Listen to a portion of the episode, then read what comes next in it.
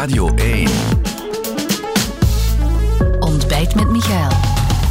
Zo is dat. Goedemorgen, mevrouw Van der Straten. Goedemorgen. In de schaduw van de basiliek van Koekelberg, uw eh, woonplaats, maar ik denk niet dat u die schaduw veel gezien hebt deze week. Te weinig, maar ik ben eh, heel blij om hier uh, terug te zijn. Ja, want u zat, zat heel de week in het buitenland, hè? Ik was de hele week, eigenlijk al twee weken, in het buitenland. We zitten in de grootste energiecrisis ooit die, dat we, die dat we beleven. En dat was ook de reden waarom ik in het buitenland was, om te kijken hoe dat we de energietransitie kunnen versnellen en ook op korte termijn ervoor kunnen zorgen dat we geen problemen hebben in Europa met onze bevoorrading van gas en olie. Ja, onder meer in de Verenigde Staten. Ook niet alleen voor die onderhandelingen, ook dat bezoek aan die Bilderberggroep. En dat heeft denk ik wel wat wenkbrauwen doen fronsen, want dat is een heel besloten genootschap waar het allemaal niet duidelijk is wat daar gebeurt. Wat, wat bent u daar eigenlijk gaan doen met die Bilderberg? Ja, daar wordt eigenlijk uh, veel, uh, veel woorden rondgehangen, maar er is geen geheim uh, dat die samenkomst plaatsvindt. Het is geen geheim wie dat daar aan deelneemt. Er wordt gewoon bekendgemaakt en de thema's ook niet. En energie en energieveiligheid dan vooral, want we leven vandaag in een veiligheidscrisis waarbij energie wordt ingezet als een wapen. dat, dat stond daar zeer, was daar een rode draad eigenlijk door de vele gesprekken. En ik denk dat dat de reden was waarom ik dit jaar een uitnodiging gekregen heb. En wat, wat, wat wordt daar dan over gezegd, over die thema's? Ja, de, de conferentie is eigenlijk, um, is eigenlijk ooit ontstaan om uh, aan mensen uit uh, Amerika aan de ene kant en mensen uit Europa langs de andere kant samen te brengen rond een tafel om vrijuit te kunnen spreken en om vrijuit van gedachten te kunnen wisselen. Dus het is niet dat daar uh, beslissingen genomen worden, het is, het is eigenlijk ja, een, een, een botsing van de, van de ideeën. En waarover hebben wij het gehad? We hebben het gehad over uiteraard Rusland, Oekraïne, veiligheidsissues ja. en dan ook hoe dat we de energietransitie kunnen versnellen. Ja. Het is natuurlijk een heel gesloten genootschap. Niemand weet ook goed wie daar geselecteerd voor wordt. En dan de vraag die vaak gesteld wordt is, iemand van Groen, heeft hij daar iets te zoeken? Um, ten eerste, het is uh, geen geheim wie daar is. Dat wordt door de organisatie ja. Maar zelf... Snapt u waar ik aan refereer? Nee, ik snap... Ja, dat wordt, ik vind dat is een framing dat daar rond gebeurt. Mensen worden gevraagd omwille van hun expertise, uh, omwille van iets dat ze kunnen bijbrengen. Ik ben niet gevraagd omdat ik iemand ben uh, van groen. Um, dat is wat er van wordt gemaakt. Ik ben gevraagd omdat ik iets te zeggen heb over energie. Ik ben in de Verenigde Staten geweest eigenlijk bijna een week. En dat was eigenlijk het kleinste gedeelte van mijn programma. Ik heb in het eerste gedeelte van de week gesproken met mijn collega's op niveau van de, van de regering. Um, Amerika is ook heel erg bezig uh, met het versnellen van die energietransitie. Ze gaan een van de grootste windparken op zee uh, aanleggen. Het zijn ook Belgische bedrijven dat daarmee die windmolens gaan bouwen, omdat ook Amerika bezig is om ervoor te zorgen dat hun, hun eigen inwoners uh, een alternatief hebben en toegang hebben tot ja. goedkope stroom. Want het staat wel hoog op de agenda. We hebben dat deze week in Nederland gezien. Die bevoorradingszekerheid, dat is geen vaststaand gegeven, zo blijkt. Sorry. In Nederland ja. blijkt deze week, uh, dat was toch een element, die bevoorradingszekerheid is niet ja. zomaar iets wat... Uh, ja, wat bevoorradingszekerheid is, uh, is, is sinds de inval van Rusland in Oekraïne is absoluut een, een, grote, een grote zorg. Waarom? Omdat we zien dat we gewoon afhankelijk zijn van één land. ook bij ons, wij importeren 90% van onze energie en 100% van onze fossiele energie. En dus is het uiteraard de bedoeling in het kader van nationale veiligheid om ervoor te zorgen dat we daar zo snel mogelijk vanaf geraken, dat we daar alternatieven voor hebben. En in de eerste plaats wil dat zeggen uh, vervangen door Belgische wind en zon. We zijn ook een paar weken geleden in Denemarken geweest, hè, waar we met vier landen uh, hebben gezegd dat we samen 65 gigawatt uh, wind op zee willen gaan organiseren. Ja, laten we daarmee beginnen. Er zijn ook de kerncentrales natuurlijk, maar eerst met die bevoorradingszekerheid via die windmolenparken. Mm. die moeten natuurlijk aan land komen en dan is dat Ventilus-project iets waar de laatste weken heel veel over gezegd en geschreven staat. Het komt erop neer, moet dat dan bovengronds of ondergronds in West-Vlaanderen een thema dat daar hoog op de agenda staat. Wat, wat, is de mening van, van u en uw partij daarover? Ja, ten eerste waar het op neerkomt is dat je de stekker moet kunnen insteken. Ja. Dus we kunnen op uh, zee uh, evenveel elektriciteit maken als dat al onze Belgische gezinnen nodig hebben. Daarvoor zijn we niet afhankelijk uh, van Poetin. we weten ook dat die elektriciteit de goedkoopste is die we kunnen maken. Maar natuurlijk, als je dan thuis de stekker niet kan insteken, dan heb je daar niks aan. En om de stekker te kunnen insteken, moet ons elektriciteitsnetwerk versterkt worden. Je kan dat vergelijken met wegen. Die moet je ook blijven onderhouden om ervoor te zorgen dat je kan verplaatsen. En voor elektriciteit is dat niet anders. En hoe dat je dat moet doen, dat is al verschillende keren onderzocht geweest. Dat is door onze netbeheerder, die als taak heeft om het net te onderhouden, in kaart gebracht.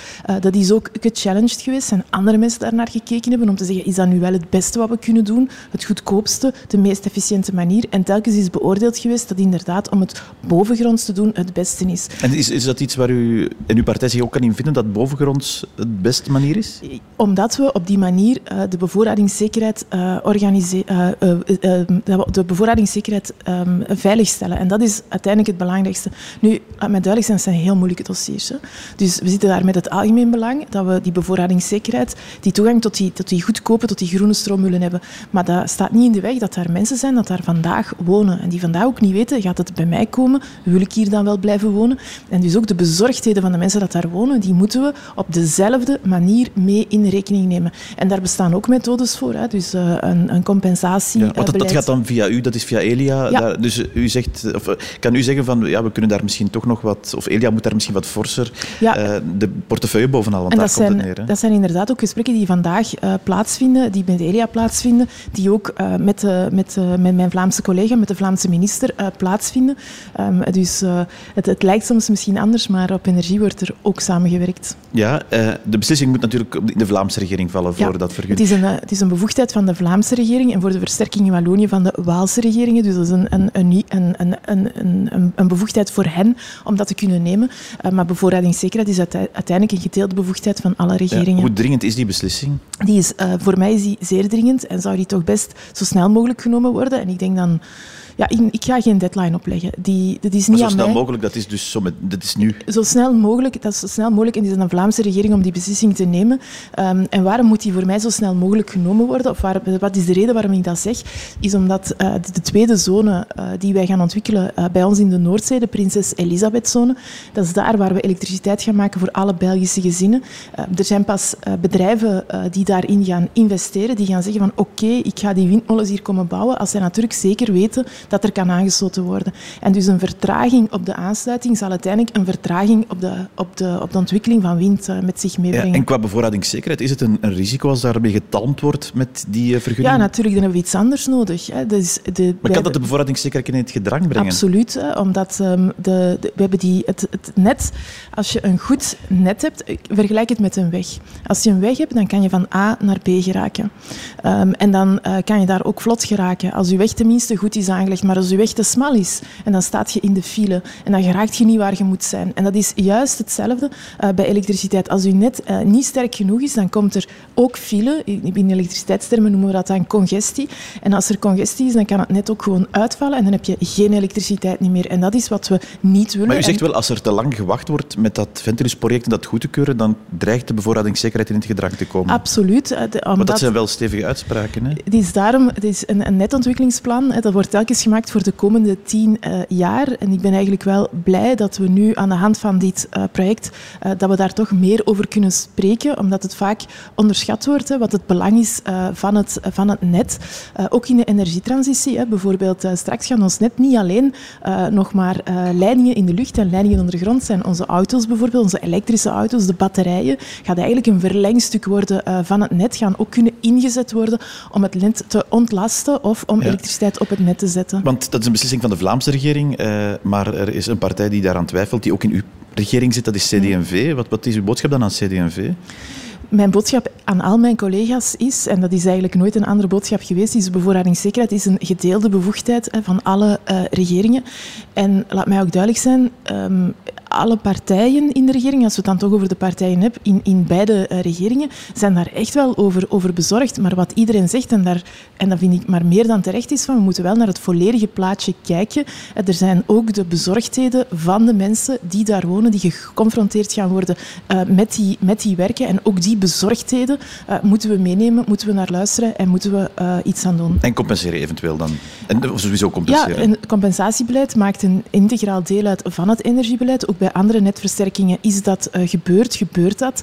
Um, en bij mij is er sowieso een open deur om te kijken van uh, hoe dit voor dit specifieke project uh, kan, kan verlopen. Oké, dat is duidelijk. Dat is wat dat windmolen en energie daaruit betreft. Er is natuurlijk ook de verlenging van de kerncentrales in maart beslist. u ging daarover onderhandelen met Engie. Hoe zit het daar nu mee?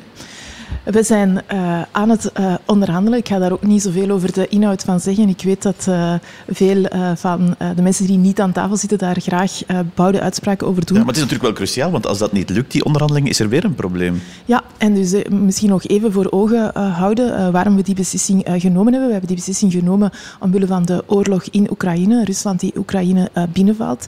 Um, en met een, een heel duidelijk wake-up call voor ons. De afhankelijkheid van fossiele we moeten dus versneld uh, weg van uh, gas. We moeten versneld inzetten op de energietransitie.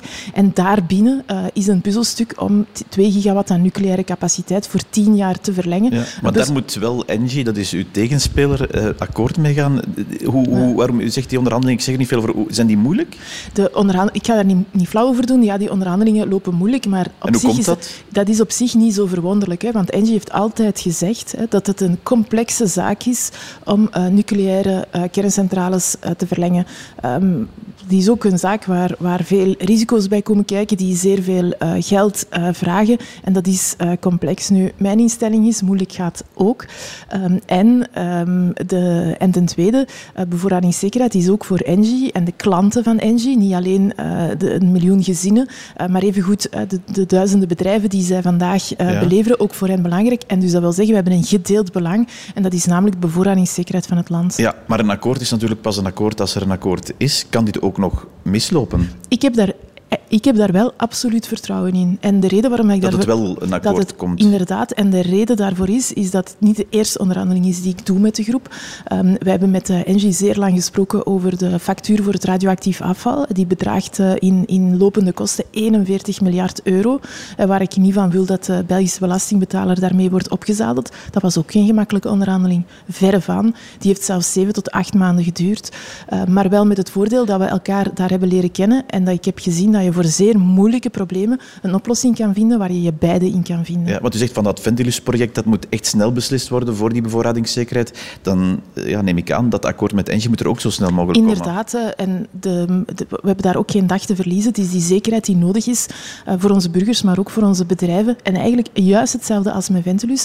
De zekerheid dat we voldoende stroom gaan hebben aan de ene kant, maar ook de zekerheid naar bedrijven van ja, kom in dit land investeren, want we hebben gigantisch veel investeringen nodig in het kader van die energietransitie. Het is niet alleen met twee kerncentrales dat we gaan geraken. Integendeel, hè, wat we nodig hebben zijn die windmolens op zee, zijn extra batterijen, extra hernieuwbare ja. energie. De zomer komt eraan, maar kan dit over de zomer getild worden? De afwachting van of dat akkoord er nu komt of niet? Ja, ik ga mijn collega's uh, geen deadline opleggen. Ik ga mezelf ook geen deadline opleggen. Ja, maar zegt, het moet wel er Absoluut. En, en de zomer is wel echt een... Uh, is wel de periode waarin het moet gebeuren. Sowieso, in dus elk geval. Voor september moet dat rond zijn. Absoluut. Het kan natuurlijk ook uh, wat gefaciliteerd worden, zoals dat heet. Hè. Uh, Engie doet ook zware investeringen uh, om dat open te houden. U kan zeggen, ja, wij, willen, wij vragen tien jaar, we kunnen ook twintig jaar die kerncentrales langer openhouden. Dat maakt het misschien al wat makkelijker. Ja, natuurlijk, als je aan het onderhandelen bent, dan heb, ben je er niet zoveel mee dat je onderhandelingskader um, begint op te rekken langs alle kanten. Het standpunt van de regering is eigenlijk altijd heel duidelijk geweest, staat ook gewoon in het regeerakkoord. Er staat in het regeerakkoord van dat er altijd een optie is om 2 gigawatt voor een periode van 10 tien jaar te kunnen verlengen. En dat is ook hoe dan onze regelgeving vandaag in elkaar Ja, dat is het regeerakkoord. Als je een onderhandeling doet met iemand die je echt nodig hebt, kan je het misschien makkelijker maken door te zeggen laten we daar twintig jaar van maken. Sowieso worden uh, de vergunningen daarvoor maar gegeven voor een periode van tien jaar. En dus ik denk niet dat deze regering uh, een voorafname gaat doen op een volgende regering over een vergunning. Ja, de nationalisering mee, wat, is wat enkele partijen ook voorstellen, kan het dat faciliteren?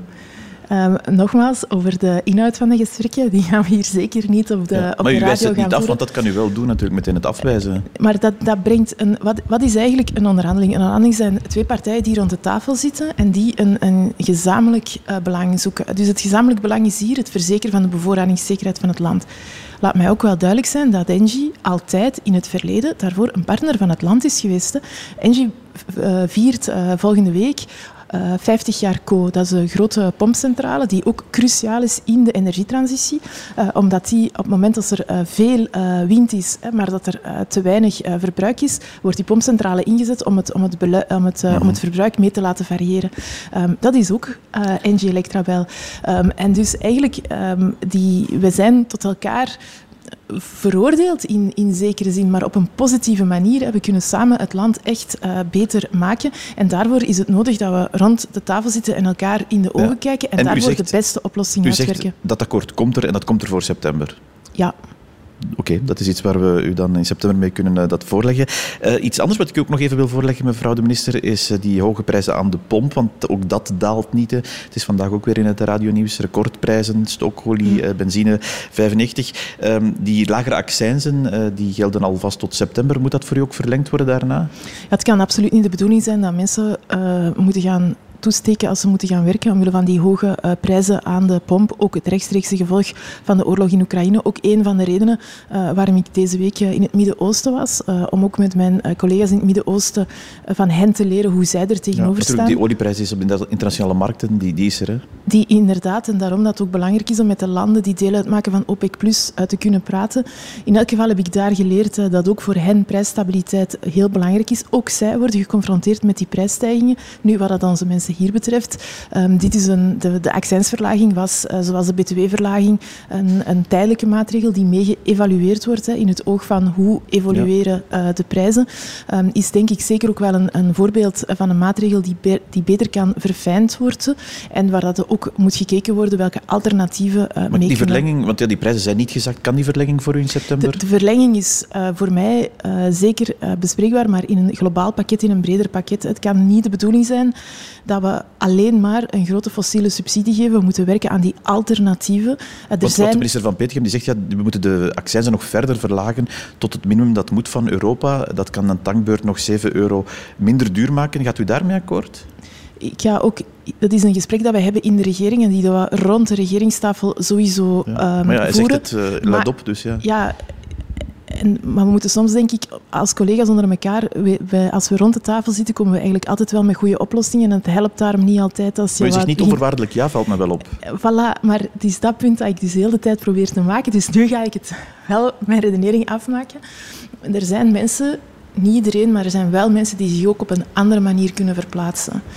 Um, met de bus, uh, met het openbaar vervoer, met de trein. En dus moet er ook aan de, trein, aan de, aan de prijzen van de treinen, aan de prijzen van de, van de bussen, moet daar ook uh, naar gekeken worden. moet naar de alternatieven uh, meegekeken worden. Oké, dat is dus in september op de tafel. Slotvraag, mevrouw de minister. u zit ook in de partij Groen natuurlijk, dus uw partij. Straks nieuwe voorzitter. hebt u zelf een voorkeur?